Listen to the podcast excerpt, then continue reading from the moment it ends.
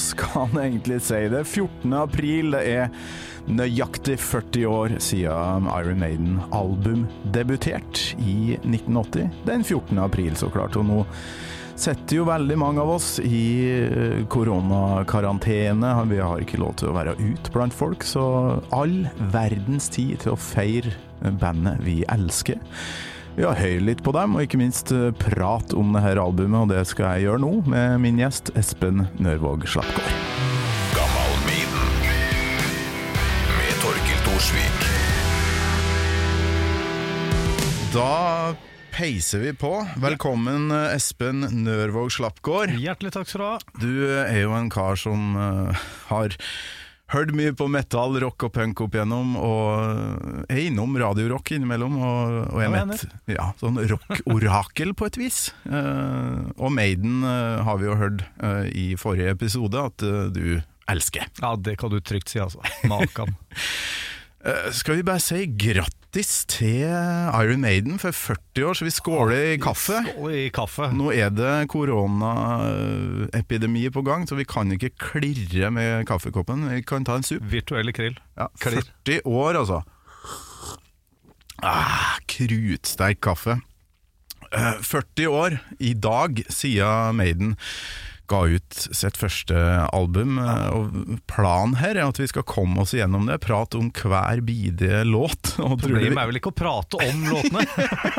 Nei, problemet er vel om vi klarer det på en halvtime. Eh, Det er liksom målet mitt, da. Så får vi se til slutt her. Eh, Men hvor skal vi egentlig begynne? Jeg har litt lyst til å bare sette tidsbildet her. 1980. 14. april.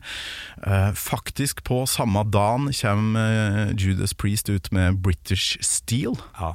Og Maiden har vært support for eh, Priest på den turneen rett før. Så, så her er det altså, Maiden er virkelig på en sånn skikkelig, skikkelig opptur her. Um, og så kommer de med album samtidig som Judas Priest sitt debutalbum med Skal vi begynne med coveret, kanskje? Det er jo det naturligste å begynne når det Ja. gjelder Maiden rent generelt. Og, og det er klart, eh, her hadde du jo noe som man la merke til så til de grader, og som ble varemerket til, til Iron Maiden. Du hadde jo da, eh, de hadde jo da hatt det hodet som het Eddie, Eddie the, Eddie the Head, The, the Ed, eh, som, som eh, litt sånn uh, i nå forholdsvis uh, enkle uh, pappmasjé-varianter og, og litt sånn forskjellige løsninger hadde dukket opp på scenen. Ja. Og, men nå hadde de jo da fått sin visjonær, Mr. Derek Riggs, til å tegne da den figuren som, som var en krysning mellom levende død, krysning mellom zombie og punker og metal-fan og forvirra outcast. Han var alt som fansen var, pluss at han var et monster. Ja.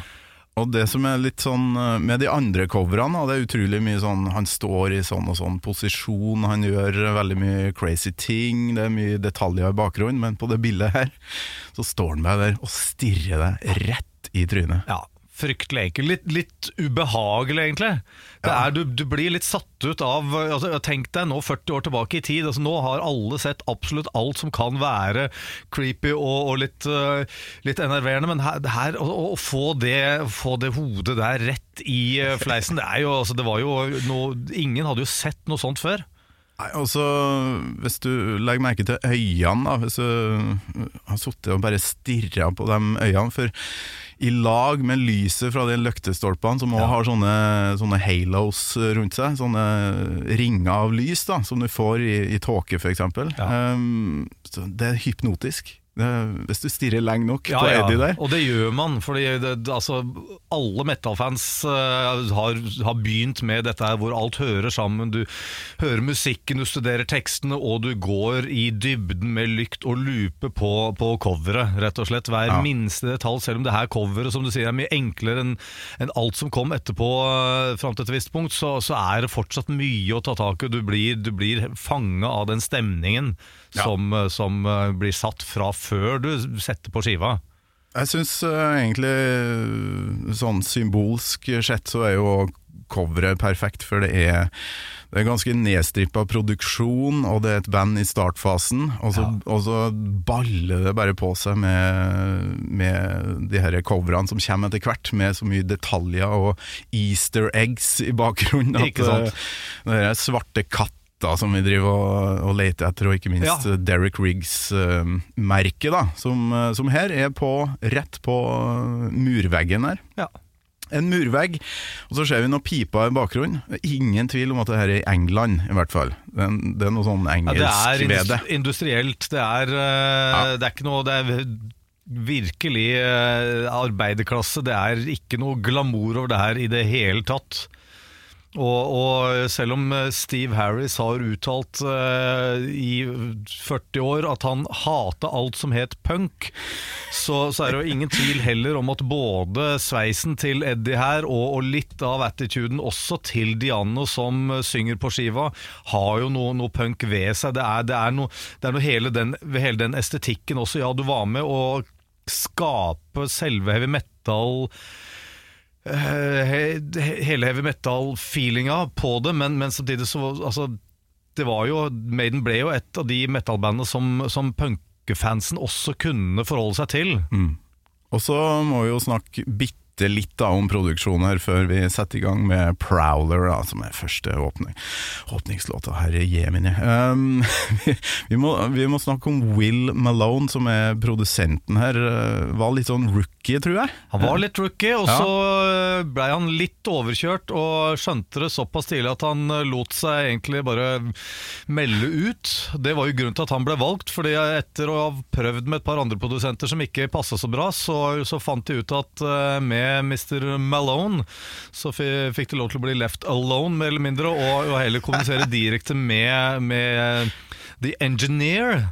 Ja. Og, så, så da, og, og, og det er nærmest egenprodusert, så det er, det er spartansk der også. Det var ingen som kom og hadde noen store visjoner om at det her skulle låte, det her skulle låte bombastisk og, og pompøst. Det er eh, ordentlig det engelskmennene kaller meat and potatoes.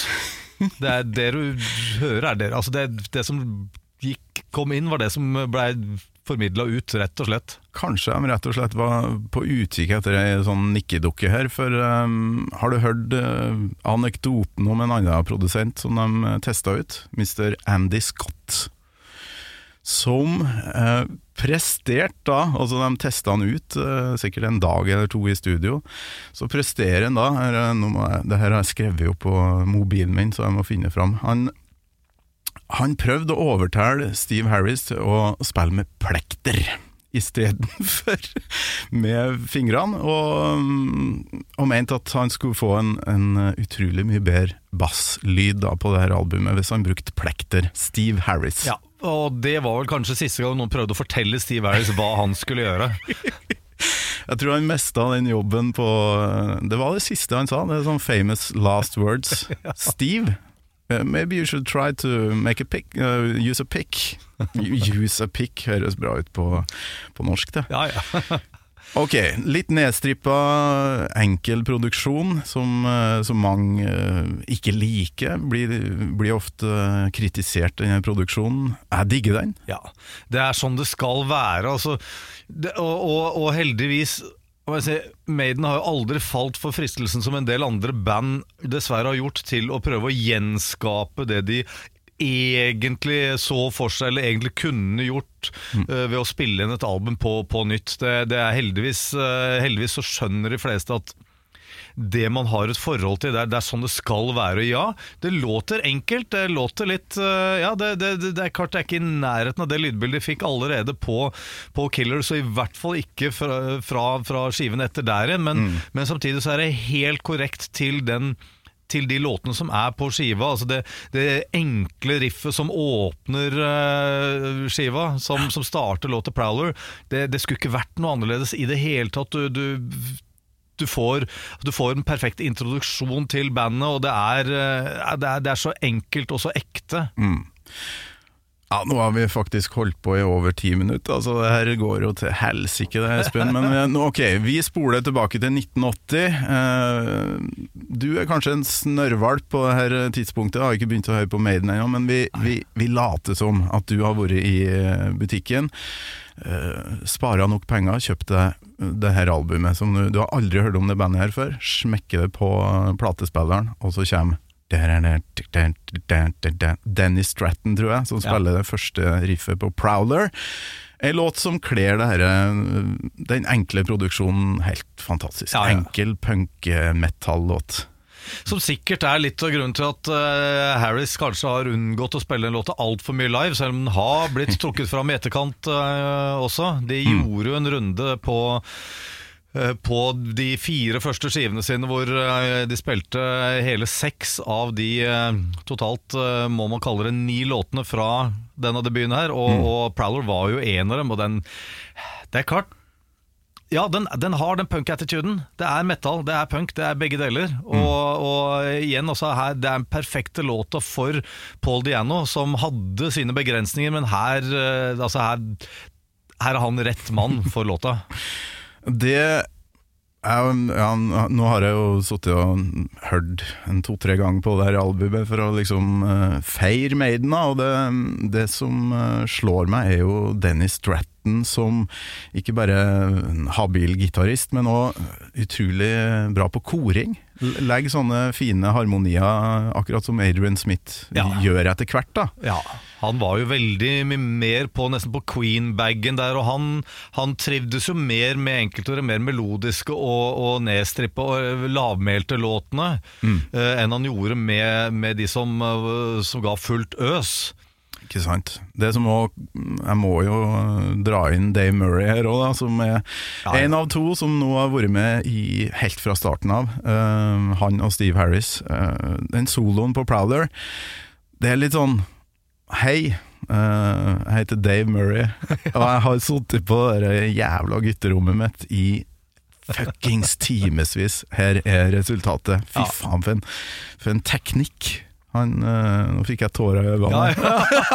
jeg har stått på gutterommet sjøl nemlig og, og øvd og øvd, og øvd, og jeg vet hvor mye jobb som står bak. Og han, han, den teknikken og den kontrollen han viser bare på første låt, smekk! Dave Murray, her er jeg, jeg er kongen. Ah, genialt. Har du sagt nok? Skal vi over til neste? Vi kan jo gjøre det, for det, vi har jo egentlig fått en liten uh, ja, en overgang der med å snakke om Dennis Stratton. Ja for nå skal vi over til altså Prowler, fantastisk eh, valg som albumåpner, syns jeg. Og så skal ja. vi over da til en Ok, nå roer vi ned. Vi viser, vi viser at vi har flere strenger å, å spille på her. Remember Tomorrow, som ja. bare begynner sånn rolig og fint. Uh, og her har vel uh, Paul Diano vært med og skrevet en del ja. av låta? Det har han, og, og eh, her var, var, jo også en av de låtene som nevnt da, som Stratton virkelig altså var, Sånn som det her han virkelig elsker, og den her er Den her gir et, en, putter oss over på en helt annen side av, av Maiden, hvor du allerede fra andre låt inn skjønner at det her Ok, vi trodde vi hadde plassert det bandet, men jaggu de har det her. Det er de, så mange flere dimensjoner mm. som ble tilført bandet allerede fra låt nummer to her. Det litt sånn magnum opus, kanskje, både for uh, Paul Diano og Stratton her, da. Sånn uh, både tekstmessig Paul Diano uh, skriver jo da om Jeg tror det er bestefaren eller noe sånt som hadde noe sånn Han hadde sagt på dødsleiet eller Det var i hvert fall et ja. sånn livsmotto at en må huske morgendagen og ikke, ikke tenke på Eh, så mye det du har gjort fra før, og det tror jeg Paul Diano trengte, for han, ja. han har en ja. ganske broket uh, historie, den karen. Vært skinhead og ja. Vært mye der. Ja. Men uh, veldig mange Jeg tror det finnes en ganske ny Metallica cover av denne uh, låta. Uh, er det ikke det? Jo, jo fra Garage Inc.-skiva, vel? Ja, men jeg tror uh, lurer på om den kom med den siste Ja, det gjorde den kanskje. Ja, De har jo covra en del opp igjennom, så det er helt ærlig forholdt meg lite til veldig få Iron Maiden coverversjoner man strengt tatt uh, velger å forholde seg til. Ja, og så Jeg sitter ikke og nihører på det her, men jeg leste et intervju der uh, Lars Ulrik uh, kaller denne låta en, eh, en slags blueprint på den type metallåt som da førte Fade to Black og mye av de her eh, Ja. Metallica-låtene, som Ja, ja. starter rolig. Så er det mayhem midt inni der, og bare trykker på alle knappene, og så rolig på slutten igjen. Ja. Uh, det kan vi jo si oss enig i. Ja, helt klart. Den har den dynamikken der. Det er uh, absolutt så vanvittig mange band som, som fulgte på med den i, i etterkant. uh, Så, så det er jo, det er jo Altså, om Iron Maiden hadde visst hvor ting er banebrytende, men hvor trendsettende de skulle vise seg å være. Hvor, hvor uh, mye de bare rett og slett skulle sette standarden for mye som skulle skje framover. Eh, vet du hva, de, de hadde vært så høye på pæra hvis de hadde skjønt hvor mye det her skulle betydd for folk eh, i mange år etter. Ja, det er helt vilt. Nå Um, 40 år etter! 40 år etter så sitter vi her og, og nerder i et radiostudio og, og feirer denne gjengen, for det har de faen meg fortjent. Ja, det har jeg helt klart. Uh, jeg tror hvis uh, jeg lager meg noen sånne topp ti-lister bare oppi hodet innimellom jeg, jeg skriver dem ikke ned, men eh, jeg tror den her er på min topp ti-liste over de beste Maiden-låtene. Ganske ofte, da. Ja. Lista endres jo hele tida. Det, det, er, det, det gjør den jo naturligvis, avhengig av humør, men det, den låta her, den, den, den har jo absolutt alt du kan ønske og det er en nerve der som eh, Ja, man blir bare Ja. både vemodig og lykkelig samtidig. Nå har jeg en bitte liten anekdote der som jeg syns er litt vond, for dem, eh, når de fikk seg en ny vokalist, da, han derre Bruce Dickinson, som du kanskje har hørt om, Ja, jeg har hørt, hørt på det, ja, ja. så ga de jo ut eh, en liveversjon av denne låta med han Bruce på vokal, på The Number of the Beast-singelen. Lurer på om det er den.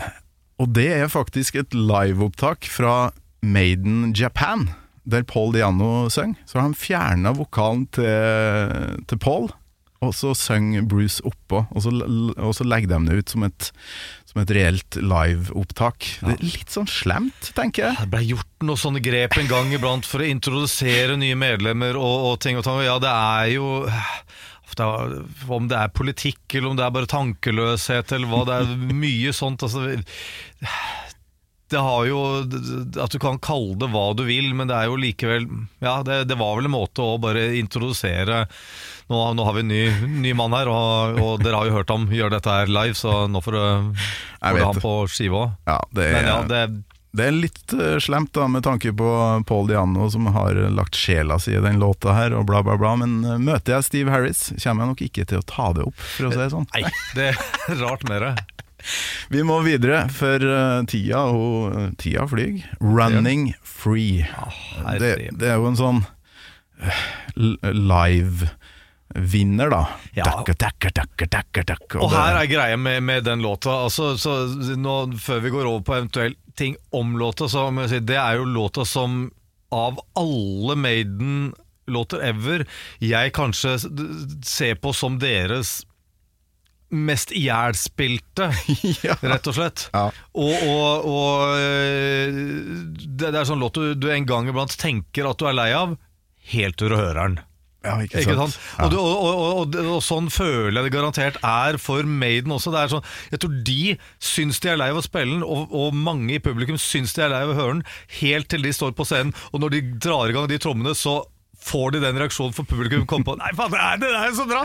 Og så ser bandet den reaksjonen de får fra publikum, bare tenker ah, fy faen, det her er jo sånn det skal være. Da, det, da, da, da blir låta levende igjen, for det er, det er en sånn låt som er, som er større uh, enn enn de enkelte bestanddelene, rett og slett. For den er jo det er en av de enkleste låtene bandet noensinne har skrevet. Ja, veldig allsangvennlig. Da. Så Ah, ja. det, det gjør seg jo på Det som irriterer meg på konsert, er jo at folk uh, ikke svarer bare 'running free' når det, når det nøres opp til, til allsang der. 'I'm running free, yeah'. Så tenker jo jeg Ja. at da skal jeg synge 'I'm running free'. Men publikum bare 'I'm running free, yeah'! Ja, Det har blitt en greie. Blitt en greie. Jeg må si for, for min egen del òg. Etter spesielt da, altså sånn som det har blitt etter Live After Death-versjonen og, og den slags, så, så er det klart det her har jo blitt en uh, 10-15 minutter lang uh, låt. Jeg har fryktelig lyst til å se bandet spille den låta tvers gjennom på tre minutter og bli ferdig med den uten hele det Ja. publikumsoppdeling og klappe og hyle-greiene. Fordi det det er kanskje mest den jeg kjenner jeg er litt smålei av. Nå, nå er klokka så mye, ja, jeg får gå på toa igjen nå da, så Ja, ikke sant? Men, blir- eh, men samtidig så, så du kan ikke ta noe fra låta som, som den er, og der igjen har du litt sånn selvbiografiske tanker og, og meninger for altså Mr. Diano, som har uttalt at han hadde kanskje ikke sittet i eh, en fengselscelle i, i LA, men, men alt det, det andre med å Altså fortida hans som skinhead og, og hele den, eh, den biten der, han var jo punkeren i bandet. Virkelig, og han hadde jo kanskje levd enda litt røffere enn eh, resten av gjengen, og gjorde jo det videre også, så han, eh, det, det var jo, det, det her var jo hans, eh, ja, det var hans låt. Og det eneste han kanskje ikke har gjort, synger han jo om i den låta her, han har ikke sittet i fengsel i Los Angeles. Nei, LA Jail.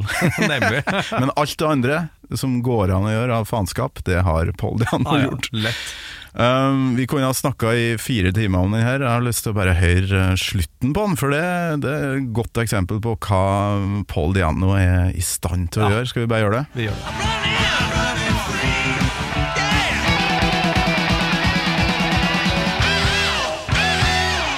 Det skriket der. Det er jo genialt.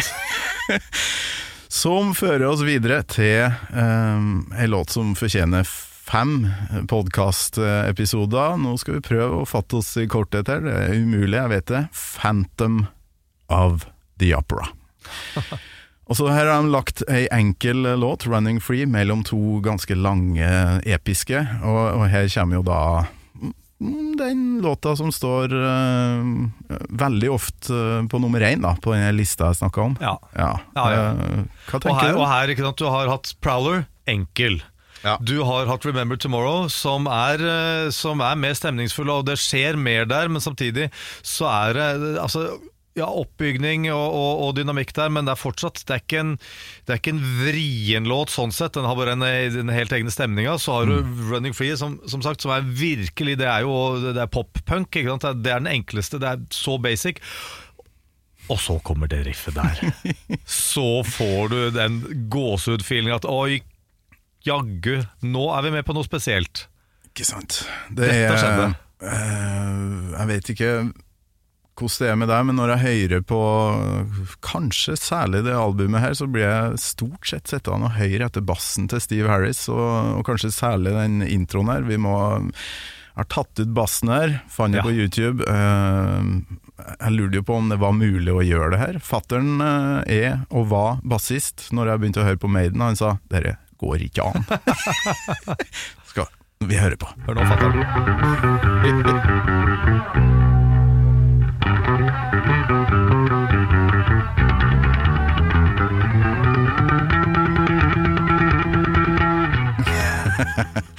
Ja Bruker fatter din plekter, eller? Nei, Nei, der det gjør han ikke. Nei. Eh, Tror ikke Harris hadde klart det med plekter heller. Altså. Syns ikke Harris burde ha spilt det her med, med plekter. Nei, Det hadde det- blitt gærent, altså. Ja, men det er så deilig den lyden han får med fingrene. Uh, og det, dermed er låta i gang. Uh, masse forskjellige elementer her som blir satt sammen til et uh, epos på Ja. over sju minutter. Ja, ja. Eh, Phantom of the Opera er jo en en musikal, er ikke det? Så temaet her er ikke så veldig viktig for meg, men jeg syns tittelen er jævlig kul. Ja, det er akkurat det. Og, og, og man følte noe Jeg hadde igjen ikke noe forhold til Verken musicals generelt eller eh, historien om Operafantomet eh, da, da jeg ble kjent med Maiden-låta, men det er noe her.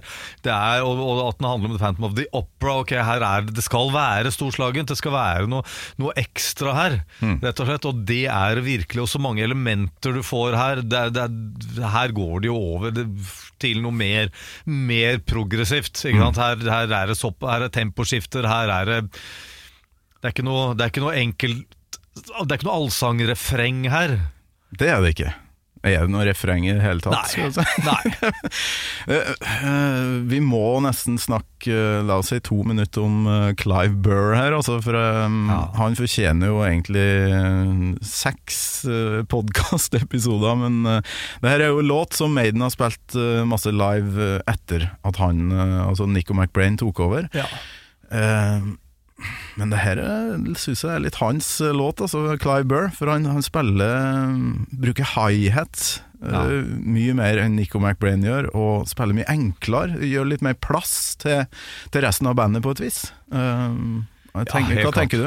Jo, absolutt. Og, og uh, Burr var jo Altså, han Nico McBrain er kanskje en teknisk bedre trommis, men det er som du sier, det er det med luft, og det er det med, med å rett og slett eh, la den Ja, la, la låta og la de, alt annet få, få puste. Det er liksom Det er to forskjellige trommisskoler, det, naturligvis. Ja, Han er ikke så busy på et vis, han, øh, men han er jækla busy på liveopptak. så Han spiller, spiller for fort, syns jeg. Det, så jeg. Jeg kan forstå at folk har litt trøbbel med, med Clive Burr live, da. Ja da. Fy flate som det går unna når han øh, får lov til å bestemme tempo, da. For han, han ville ha Ja. punk-tempo på absolutt alt. ja, sant nok.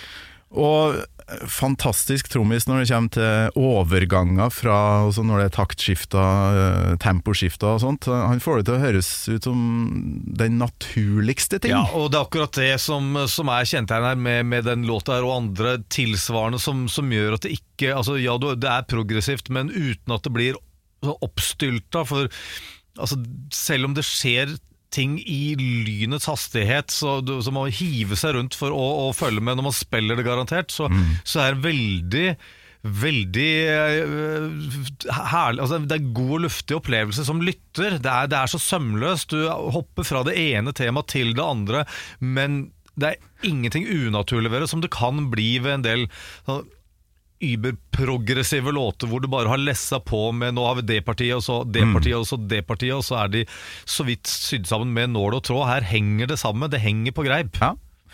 Og så kommer det jo et eh, parti der det Ja, det går sånn Ja, ja,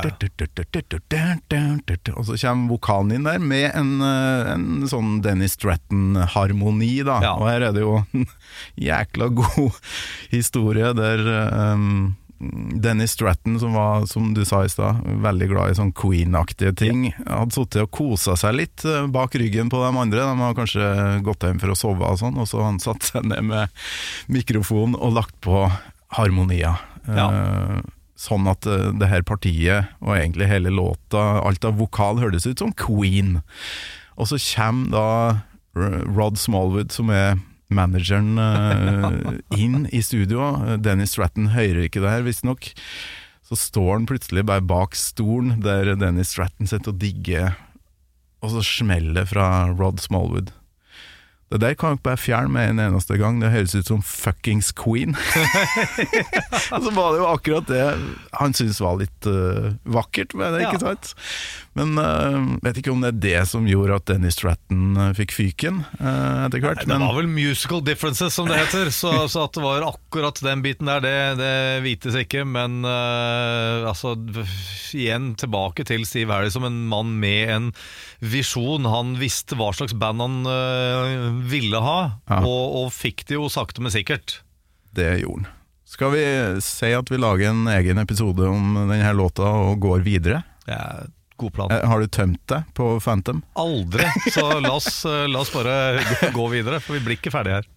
Ja, Nå må vi jo da tilbake til lille Espen i 1980 som står der med For nå skraper det litt fra LP-spilleren her. Eh, Side A er nemlig over. Nå må, nå må LP-en snus. Eller kassetten. ka- eller kassetten. Det var vel kanskje helst det vi hørte på. var det jeg hadde på kassett. ja. Billigste, vet du. Det hadde jo ikke penger på den tida her. Det er jo langt att i tida, herre. Ah, ja, ah, ja. Transylvania setter i gang, da. Etter den her kassettlyden. Det piper i starten. ja. Og så setter de i gang med Transylvania, som er én av i alt fire instrumentaler de har lagd. Eh, mener jeg, hvis vi tar riktig ut, med Ides of March, da, som kanskje egentlig er en intro ja da. til Killers, Intro. eller til albumet Killers, men uh, Ja. um, jeg går rett på og sier at uh, det her syns jeg er den beste instrumentalen deres. Bedre enn uh, Ides of March, Ja. eh, Lost for Words. Big Orra, eh, en tittel som, som skjuler mye rart. Ja. Og den siste, Genghis Khan, som, som lenge lå på topp, for jeg, jeg syns det er kult når han spiller fort. Ja. Men nå har jeg blitt voksen og synes Transylvania er hakket Ja da, ja da. Det, og det er jo Den er jo det, det er på en måte en låt. Det er ikke bare en instrumental som er der for å, å, å ta plass. Det har vel vært litt, altså Bortsett fra, fra Ides of March, som du ser som er en i klassisk intro, så, så er de andre det er, Instrumentalen til Maiden er bygd som, som låter, og ikke bare som fillers mellom uh, såkalt ordentlige spor. Det er jo mange måter å gjøre instrumentalet på, men, men Transylvania har jo et vanvittig tøft riff. Det, er, altså den, det, det låter kult hele veien. Det er, eh, det er gjenkjennelig. Det er, eh, ja, det, det er gøyalt. Og den er Jeg husker jeg, jeg hørte den på A Real Dead One, som jeg lurer på Kanskje noe av det siste eh, fysiske Maiden jeg kjøpte meg. For da Ja. da Blaze Bailey kom og tok over, så, så stoppa jeg helt opp med å, å kjøpe meg ting. Men um, der spiller de Transylvania live. Eh, fantastisk eh, versjon, syns jeg. da Jeg prøver å komme på om jeg har sett dem gjøre dem, den live sjøl. Jeg har ikke fått studert alle settlistene ennå. De, det, det var én av tre som ikke blei med på den eh, eh, på den eh, første runden hvor de, hvor de gikk gjennom da de, de fire første skivene sine, Mm. så, så var det én av tre låter fra, fra debutalbumet som ikke blei spilt live live. Nå, nå, det her er jo ei, låt der um, det skjer utrolig mye. Det er ikke plass til noen vokaler. Nei. Så det er godt mulig de tenkte at det her bare skal være en instrumental. Um, nå tror jeg det er mange band som prøver å legge vokal, og så går det ikke. Ah, Ok, da ble det en Ja, instrumental. ja da. Men den her høres ut som den er Her gønner vi bare på. Uh, her skal det faen ikke på noe, noe Nei, rett og slett. Det er sånn, eh, altså, kan jo hende at de har tenkt at deler av det her skulle vært intro til en låt uh, i utgangspunktet. Hva vet jeg. Altså, men det, det, du, du får en feeling av at eh, når, når Transylvania åpner Det kunne vært begynnelsen på en låt hvor da etter hvert en vokalist skulle kommet, men da måtte det skjedd et eller annet midtveis her, og du, du, du måtte gjort noe, noe annet før låta da skulle skulle begynt som, eh, som vokallåt, men det er, samtidig det er ingen Jeg tror de mer skjønte at eh, ja, men vi, vi, hvis vi bare gønner på her, så er det faktisk bra nok. Det, vi, vi trenger ikke. Man må ikke ha vokal, Fordi her har vi nok allerede. For det, ja, Da måtte låta blitt tre ganger så lang hvis de skulle ha kjørt på med, med vokal. Ja. Nei, rett og slett bare gull, og jeg blir sittende og høre på bassen igjen når jeg hører den her. Og så Steve legger inn så mange noen deilige basslicks, hvis det går an å Ja, ja. kalle det. Han leker seg, vet du. Der, og så Ja. legger han på og går litt imot Ja, innimellom. Og det Da får jeg tårer i øynene. Ja, der ser. Eh, Kan ikke snakke noe mer om det for da får jeg klump i halsen her. Vi går videre, rett og slett, til ja, det, det her to låtene de går jo i hverandre. Ja. Eh, Det er, ja, når Transylvania er ferdig, så Strange World. begynner Strange World sånn sakte, men sikkert. Eh, litt sånn Strange World, ja. eh, har vel ikke hørt den på radio, for å si det sånn. Den, den er litt sånn litt uh, underkommunisert, da, som, ja, som Maiden-låt. her er låt som jeg stadig vender tilbake til. For det, det, det altså, Jeg veit ikke om det er fordi den rett og slett eh, er ja, som du sier, underkommunisert. Den er eh, altså undervurdert for den saks skyld, ikke minst av bandet. Igjen er låt de ikke tok med eh, da de gikk gjennom de, de Og av de fire første skivene så var det debuten de spilte mest av, men den her ble heller ikke med derfra. Og det syns jeg er synd, for her og er det sånn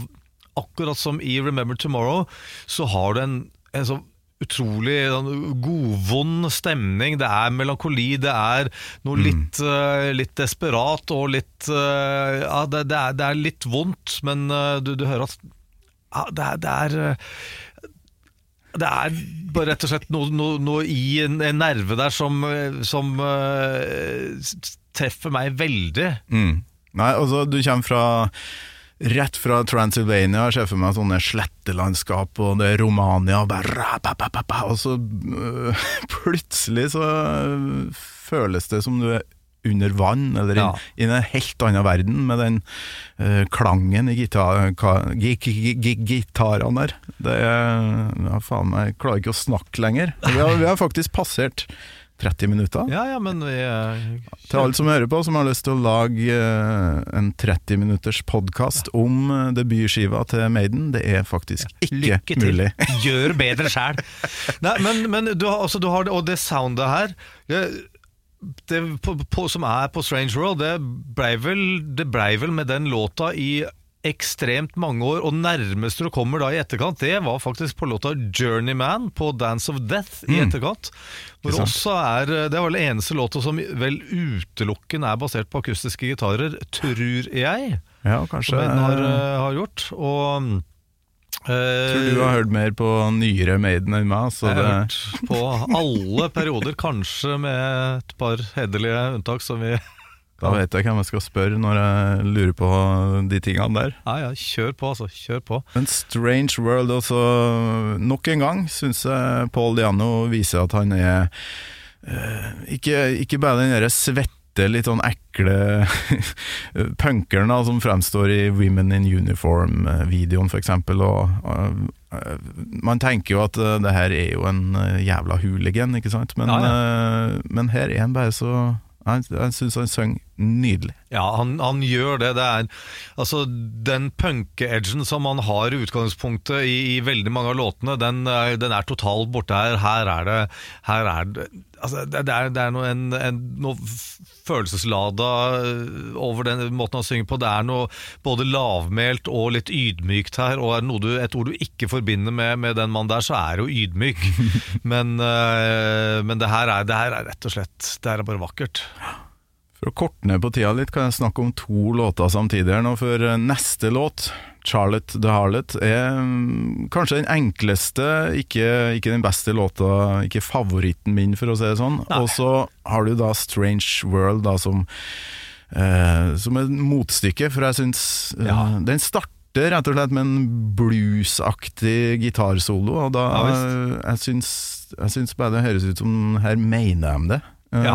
Hver jævla tone er bare Det er så mye, mye feelings her. Mens ja. Charlotte og Harlot, som vi snart skal snakke om, litt mer sånn Her raska vi sammen og greier. Det, Ja. heng, det hangler litt der, syns jeg. Og eneste låta som utelukkende er skrevet av Murray, så kanskje Mm. eh, viser at han er bedre som uh, Adskillig bedre som gitarist enn som låtskriver, strengt tatt. Eh, Ja, altså et tema som er litt sånn eh, ja. Ja, Det- altså hora og prostitusjon og sånn, ja. Men uh, ikke så veldig interessant i lengden, kanskje. Hvis ikke Nei. Jack the Ripper plutselig kommer inn, da, da blir det moro. Og det er jo også, må vi ha lov til å si, et av de dølleste nødrima i metallhistorien noensinne.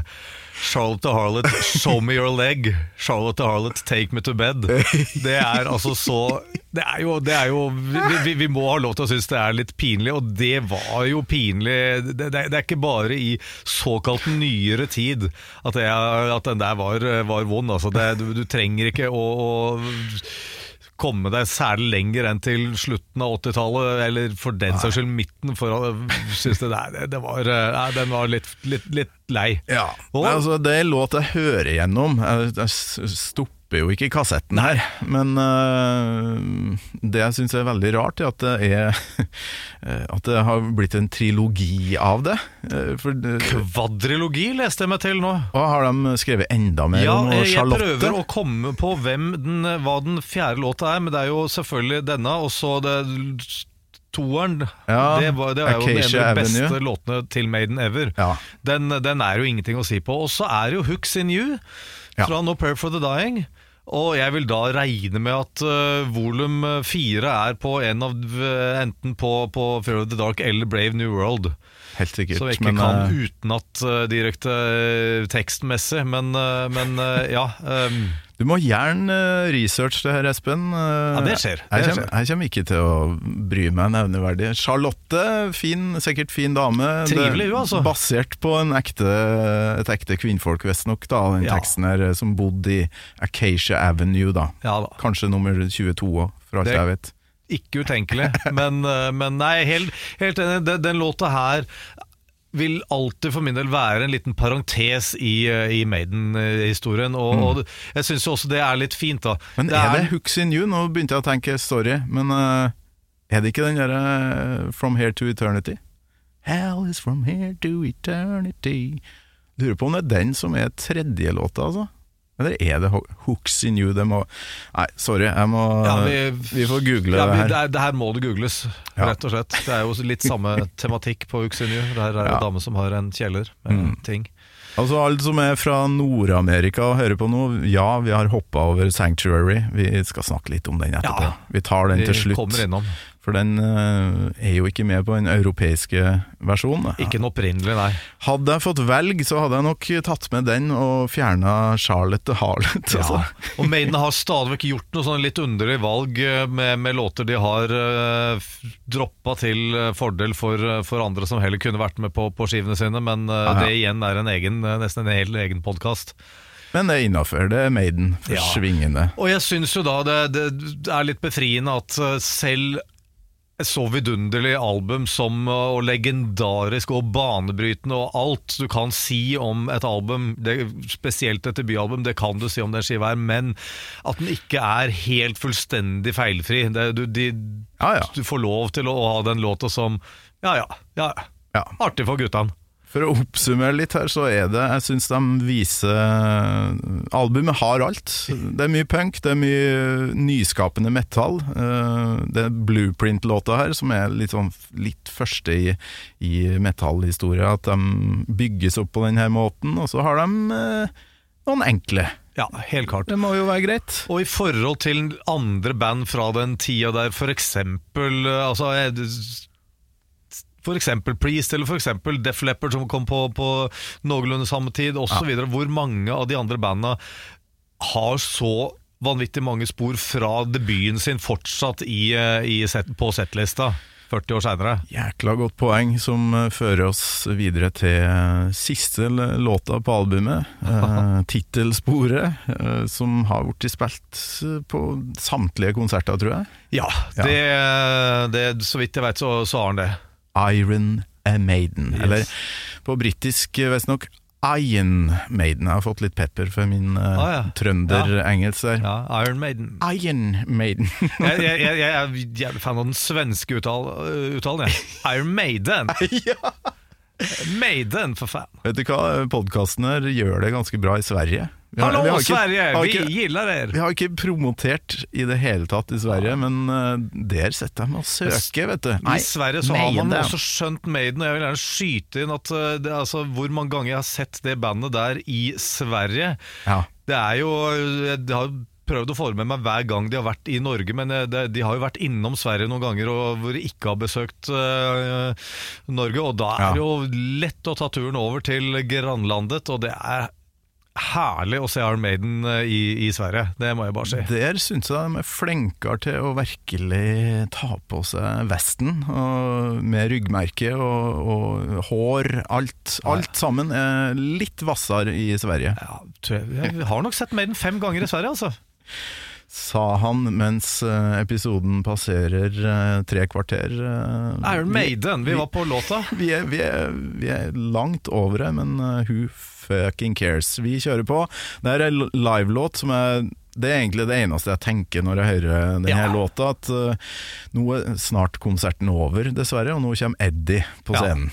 det er de to tingene der. I en primitiv versjon, eller i en høyteknologisk versjon på Summer on Tour, eller Ja. i en altså, du, det, det har vært mange varianter, men nå skal Eddie komme stavrende ut på scenen og se like klønete ut som det Frankensteins monster han alltid har gjort, men det er sånn Eddie skal være. Ja, Han skal ikke være naturtro, nei. Nei, nei, nei, Bevegelsene kan ikke være bra. Nei, nei, nei. Men den beste er jo Live After Death, når den Mumin kommer. Og Ja. Det ser jævlig bra ut, syns jeg. Den er fin. Ja, for det, er det, det ser nesten for bra ut til at det er mulig. Ja. Jeg, har ennå ikke skjønt hvordan de gjør det. Men eh, Jævlig kul låt. Det går liksom. Det går fort som faen, og det er liksom det, Det er jo litt, altså. Riffet er litt uh, Phantom of the Opera on speed, Ja. typ. Det er uh, Eh, skal, Hvis jeg skal ha noen innvendinger, så syns jeg av og til det skjer litt for mye da eh, i den låta her. Det, det skjer eh, det er, Alle skal liksom vise seg fram samtidig. Ja da. Men igjen, ikke sant, der har du sjarmen med debut, eh, debutskiva, og litt sosialdemokrati var det fortsatt. I hvert fall tilsynelatende. Og, og her, er, her er det låt hvor alle skal vise seg fram. Det er låt som skal funke bra live. Du skal ha det her som signaturlåta til bandet, så nettopp derfor skal den ha alle elementer som, som er uh, Maiden. Og det, det har jo fått til, så om det blir å putte litt flere eh, ingredienser oppi gryta enn man kanskje eh, strengt tatt eh, hadde trengt, ja ok, men, men uh, vi veit alle hva, hva Yngve Malmsted mener om begrepet 'less is more'. Det stemmer ikke alltid det. altså Noen ganger så må du kjøre 'more is more'. Malmsten, ja. Um, skal vi gå til Sverige? Nei, vi, vi holder oss uh, til den låta her litt til, og så må vi jo snart avslutte. Ja. Men uh, jeg har lyst til å si at uh, high-haten til Clive Burr igjen også, i denne låta, det, han jobber så inn i helvete bra på den high-haten. Ja, det, det- gjør av og til Nico også på den her, men eh, Og det er noen sånne smådetaljer som, som, eh, som gjør at du kan bare høre på den skiva igjen og igjen og igjen. Og igjen og igjen Det vil alltid Ja. være noen uh, smådetaljer som du bare tenker Ja, søren, og, det er så, og det er den der Å ja, her har vi det. Der har vi den lille harmonien, der har vi det, den high-haten, der er bassen. Og det er alltid et eller annet, altså. ja.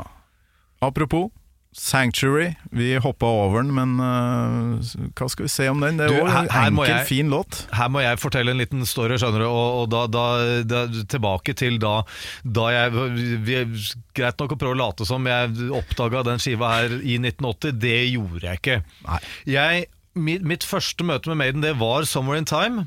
Og jeg drar da uh, på, på konsert med Iron Maiden i 1986 og kan 'Summer in Time' utenat, men har ikke ekstremkjennskap til resten av katalogen. Det kom etterpå.